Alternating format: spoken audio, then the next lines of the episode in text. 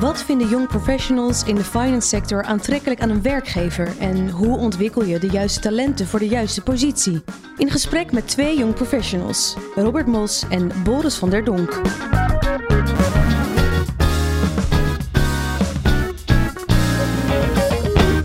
Robert en Boris, welkom. Dankjewel. Dankjewel. Zouden jullie even kunnen voorstellen? Yes. Nou, ja, Robert Mos, ik eh, werk voor Enigma Consulting. Ik ben een trainee daar. Uh, Enigma Consulting zit natuurlijk in de hele breedte in betalingsverkeer.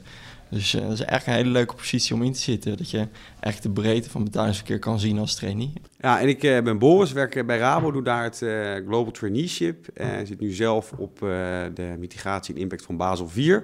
Maar ook zeker dit onderwerp ga ik wellicht nog wel tegenkomen verder in mijn, mijn jaar als trainee bij Rabo. Dus het is erg leuk om het er vandaag over te hebben, denk ik. Waar hechten jullie eigenlijk waarde aan in de betalingsindustrie? Ik, ik, ik denk als ik kijk naar mijn eigen baan, dan, dan hecht ik het meeste waarde aan iets waar ik verstand van heb, waar ik kennis van op kan doen, dat motiveert me uiteindelijk. Ik, ik, ik denk dat het betalingsverkeer op dit moment ja, booming is. Het is, het, is niet meer het, het, het, keldertje waar je je werk doet. Het is, het, is echt cool nu. Uh, en ik, ik denk dat ik nu mijn ei kwijt kan, omdat er die dip die zit er daadwerkelijk in. Ja, nee, zeker. Ik denk dat dat uh, met name wat je zegt over het uh, betalingsverkeer, dat dat. Dus ik denk zeker als een Rabobankje ontzettend uitgedaagd gaat worden. En dan is de vraag hoe je daarmee omweg gaat. Ga je dan uh, je strategie daarop aanpassen, ja of nee? Maar dat, uh, ja, dat zijn wel in ieder geval dingen die uh, genoeg food for thought geven. En hoe kijken jullie dan naar de toekomstige ontwikkelingen? Nou, naar de toekomstige ontwikkelingen Uh, natuurlijk heel moeilijk te zeggen, heel eerlijk gezegd. Ik, ik bedoel, uh, vandaag hadden we vanochtend uh, hadden we een spreker. En uh, wat ik heel mooi vond dat hij aan, aan, het licht bracht, is dat eigenlijk. Wij denken af en toe dat China, wat daar gebeurt, allemaal de toekomst is. Maar het is gewoon al het heden. En als je kijkt naar hoe, wat voor moordend tempo zij daar aan het innoveren zijn, zeker op, op, op, op, dit onderwerp. Um, ben ik heel benieuwd hoe wij dat gaan hier een beetje meer gaan doen. En um, denk ik dat we uiteindelijk natuurlijk een beetje die, kant op zullen gaan schuiven. Maar ik denk dat dat wel weer in ons eigen Europese jasje gaan, uh, gaan stoppen.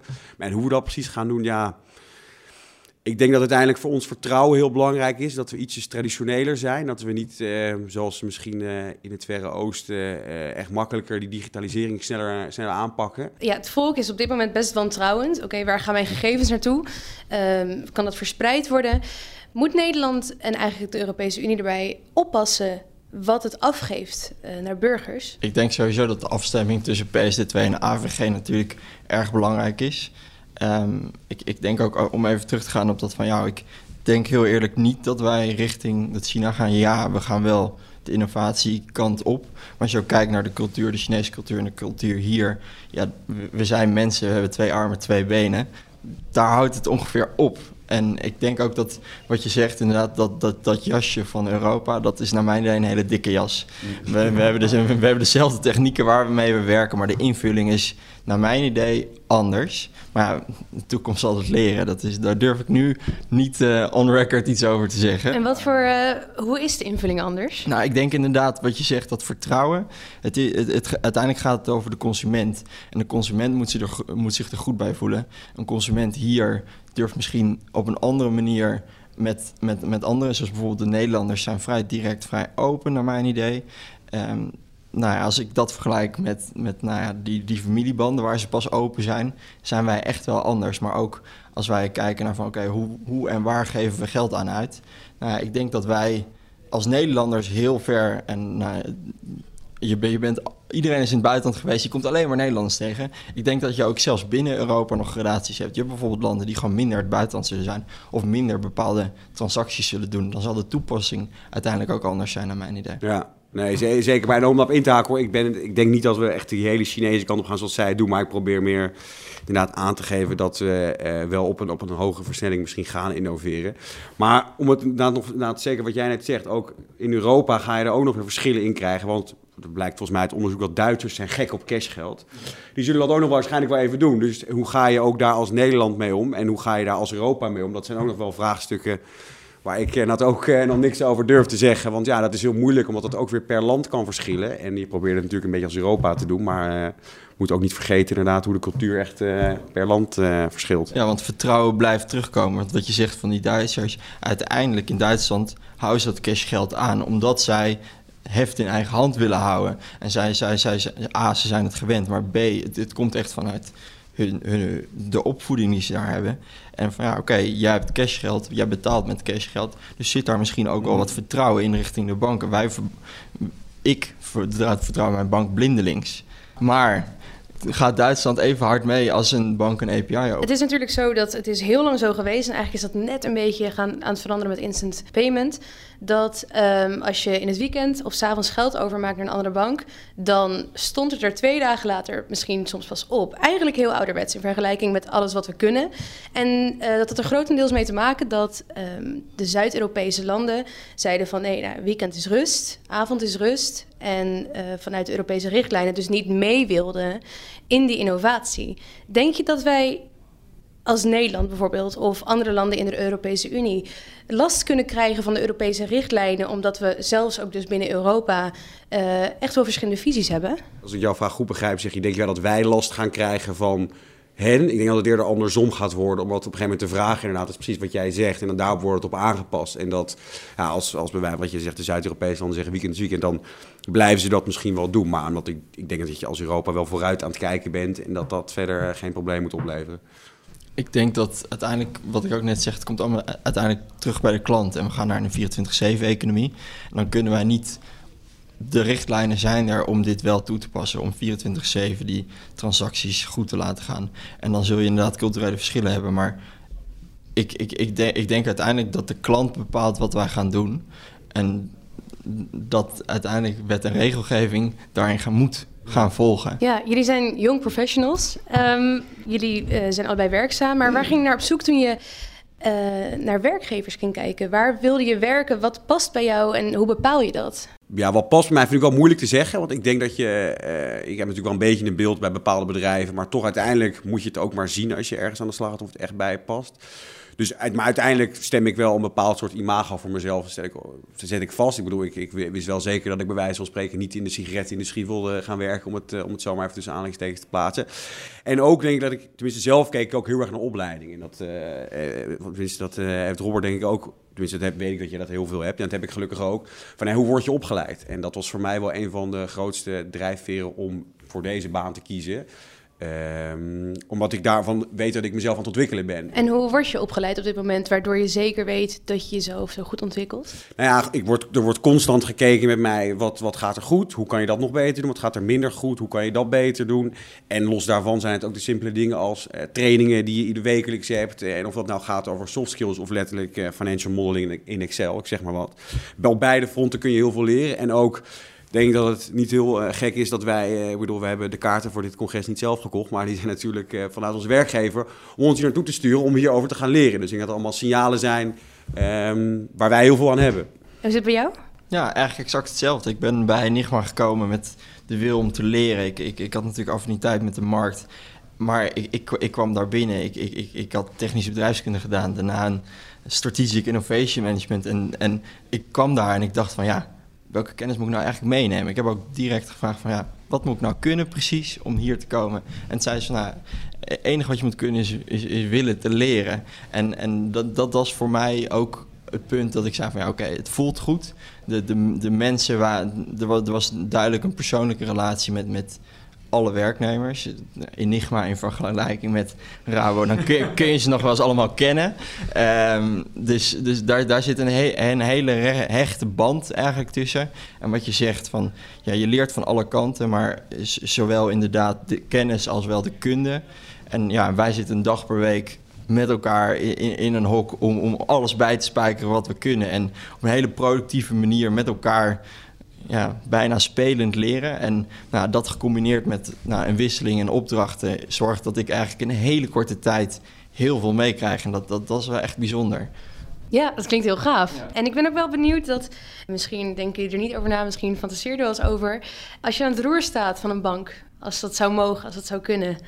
Waar denk je van, nou, dit is zo goed hoe dat nu gaat en waarvan denk je nou, eigenlijk zou ik dat wel veranderen? Nee, ik denk dat dingen die heel goed gaan, zeker binnen eh, zo'n bank als misschien Rabobank, is dat je echt super veel kennis hebt vergaard. Ik bedoel, je hebt, er is altijd wel iemand die iets weet over X. En dat is ehm, denk ik heel belangrijk en heel waardevol. En dat is denk ik iets wat je echt eh, bij je moet houden en bij je moet dragen.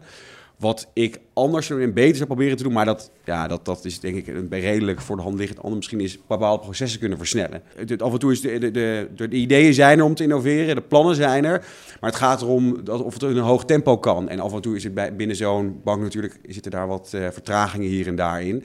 Waar zit die vertraging in? Weet je dat? Ja, dat, dat, vind ik nog moeilijk te peilen, omdat ik nog niet zo heel erg lang uh, bij, bij deze organisatie dan uh, rondloop. En ik wil ook helemaal niet zeggen dat het bij Rabo die vertraging er heel erg in zit. Maar over het algemeen is het gewoon zo, denk ik, dat bij grotere uh, banken zeker er meer vertraging in zit.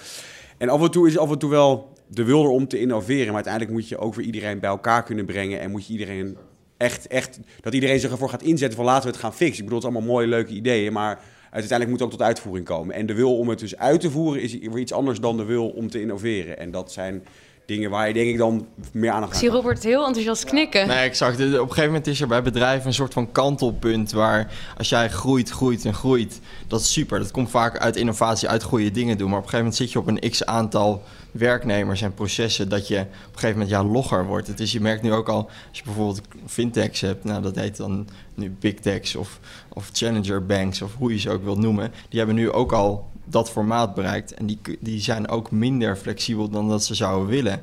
En ik, ik denk dat het gewoon inherent is aan een grote organisatie. En ik denk ook dat als je gaat focussen op wat wil de klant en als je daarop blijft focussen en in plaats van oké, wij doen dit goed, maar continu blijft herzien van wat doen we en wat doen we goed en wat moeten we goed gaan doen, dat, dat is naar mijn idee zeg maar de key to succes. Mega moeilijk los daarvan, maar dat, dat naar mijn idee is dat hoe je er komt. Uh, nou ja, als ik wist hoe het moest, dan uh, was ik voor mezelf begonnen. Maar ja, goed. En als je dan kijkt naar de klant, die staat natuurlijk in betalingsverkeer centraal. Uh, zij moeten het doen, zij moeten betalen.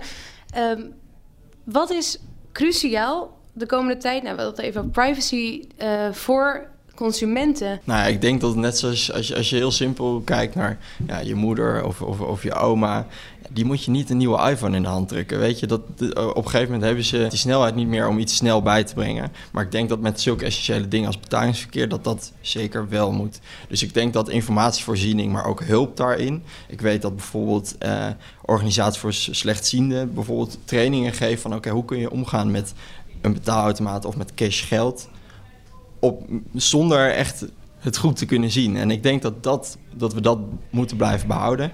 Los daarvan, de generatie die er nu zit, die is wel sneller lerend dan de vorige generatie. Dus ik denk dat in de toekomst dat misschien de wereld er anders uit gaat zien eh, in innovatie, eh, adoptie. Ja, daar sluit ik me helemaal bij aan. Het is inderdaad heel moeilijk voor, uh, voor hele ouderen om, uh, om gewoon nog te leren, denk ik. Dat is gewoon heel lastig. Dat, uh, dat doen ze gewoon niet echt meer. Dat hebben ze ook lang niet gedaan. maar ja, je moet maar laten hopen dat ehm, er uiteindelijk vanuit, ook zeker vanuit banken, maar vanuit eigenlijk de hele, zeker de hele financiële sector, dat er genoeg hulp geboden blijft worden aan die oudere mensen die dat echt nodig hebben. Want je ziet steeds vaker dat je bij wijze van spreken alleen maar, op, alleen maar via internet nog iets kan regelen. En natuurlijk kost het net weer wat meer om het dan ook nog uh, niet via internet te doen. Maar ja, uiteindelijk uh, moet je die mensen wel een beetje proberen te beschermen. Hoe moeilijk dat ook misschien uh, en financieel onaantrekkelijk dat is, moet je dat denk ik wel proberen te blijven doen. Maar los van de ouderen, bijvoorbeeld als we kijken naar de veranderingen in wetgeving en veranderingen in producten die we aanbieden. Het, het, het, het gaat er uiteindelijk om dat iedereen bij moet blijven en niet iedereen interesseert zich misschien dusdanig in die verandering. Toch moeten die bijblijven. Dan hebben we over ouderen, maar we hebben het ook bijvoorbeeld over mensen met, van onze leeftijd, zeg maar halverwege twintig, die uiteindelijk ja, eigenlijk net even de boot missen of net niet weten van oké, wat geef ik nu weg als ik accepteer dat deze TTP, uh, eh, TPP uh, de, mijn gegevens aanneemt. Wat, wat, wat, wat, welke agreement ga ik nu aan? Nou, zulke dingen moet je er ook aan gaan denken. Aan de ene kant zit iedereen, nou niet te zeuren is misschien een groot maar vindt iedereen privacy super belangrijk. Zeker onder millennials volgens mij. Is ja, privacy is echt een van de dingen waar we echt heel erg mee bezig zijn. Maar als je diezelfde persoon vraagt, oké, maar wat doe jij als jij een account ergens aanmaakt en je kan doorgaan met Facebook en in de kleine lettertje staat, dus wat je eigenlijk stiekem ook wel weet, ze delen alles met elkaar en dat mag allemaal, mag natuurlijk niet, misschien niet helemaal helemaal, maar dan klik je maar op ja, omdat het allemaal lekker makkelijk is. Allemaal convenience. En je denkt, nou fuck it, ga maar gewoon. En dat is wel vind ik altijd heel grappig dat aan de ene kant we dus heel erg ertegen zijn, maar ook wel weer lachen meedoen. Dus het is moeilijk om daar... Uh, ja, nou, tenminste, we zijn er gelukkig mee bezig, maar het is, uh, het is wel een lastig vraagstuk. Tot slot, waar staan jullie zelf over tien jaar? Ik denk dat ik over tien jaar, um, wat ik ook zei, wat motiveert mij, is, is die kennis. We hebben mensen binnenlopen bij Enigma die echt ins en outs weten. Dus vanochtend hoorden we van ah, dat, dat binnen banken dat die koffiemomentjes belangrijk zijn, dat, dat dat een beetje de schakels zijn. Nou, daar hebben wij mensen voor. Weet je, je hoeft die personen aan te spreken en dat zijn er gewoon een paar. Zij weten precies waar je moet zijn. Ik zit bij wijze van links in de bank en ik wil rechts iets weten. Hij hoeft niet eens rechts in die bank te zitten. Hij weet wie ik moet hebben, wat ik moet hebben, wat het probleem kan zijn. En ik, ik, ik hoop toch over tien jaar enigszins zo'n persoon te zijn waarvan mensen denken van oké, als ik echt in de problemen zit of als er echt iets nodig is, dan moet ik naar Robert toe. Ik heb denk ik niet zo'n mooi antwoord klaarstaan, maar uh, zelf, uh, wat ik altijd leuk blijf vinden is, uh, als we toch over uitdagingen hebben, is mezelf constant blijven uitdagen. Dus ik hoop in ieder geval over tien jaar niet, uh, als ik tenminste klaar ben met dit traineeship en ik rol in een baan, hoop ik in ieder geval over tien jaar niet precies dezelfde baan te doen. Maar in ieder geval iets anders aan het doen zijn en mezelf constant te blijven uit te dagen en ook niet vergeten om te blijven leren. Ook al bereik ik die leeftijd op een gegeven moment van, nou 35 is dan misschien nog, 34 is dan misschien nog jong. Maar ook voor, voor de rest van mijn leven, om altijd ook je, weet nooit alles. En ook eh, jezelf altijd de vraag te stellen van... kan ik niet nog meer eh, op een ander vlak of wat dan ook eh, te blijven leren. Dank je wel. Ja, dank jou wel.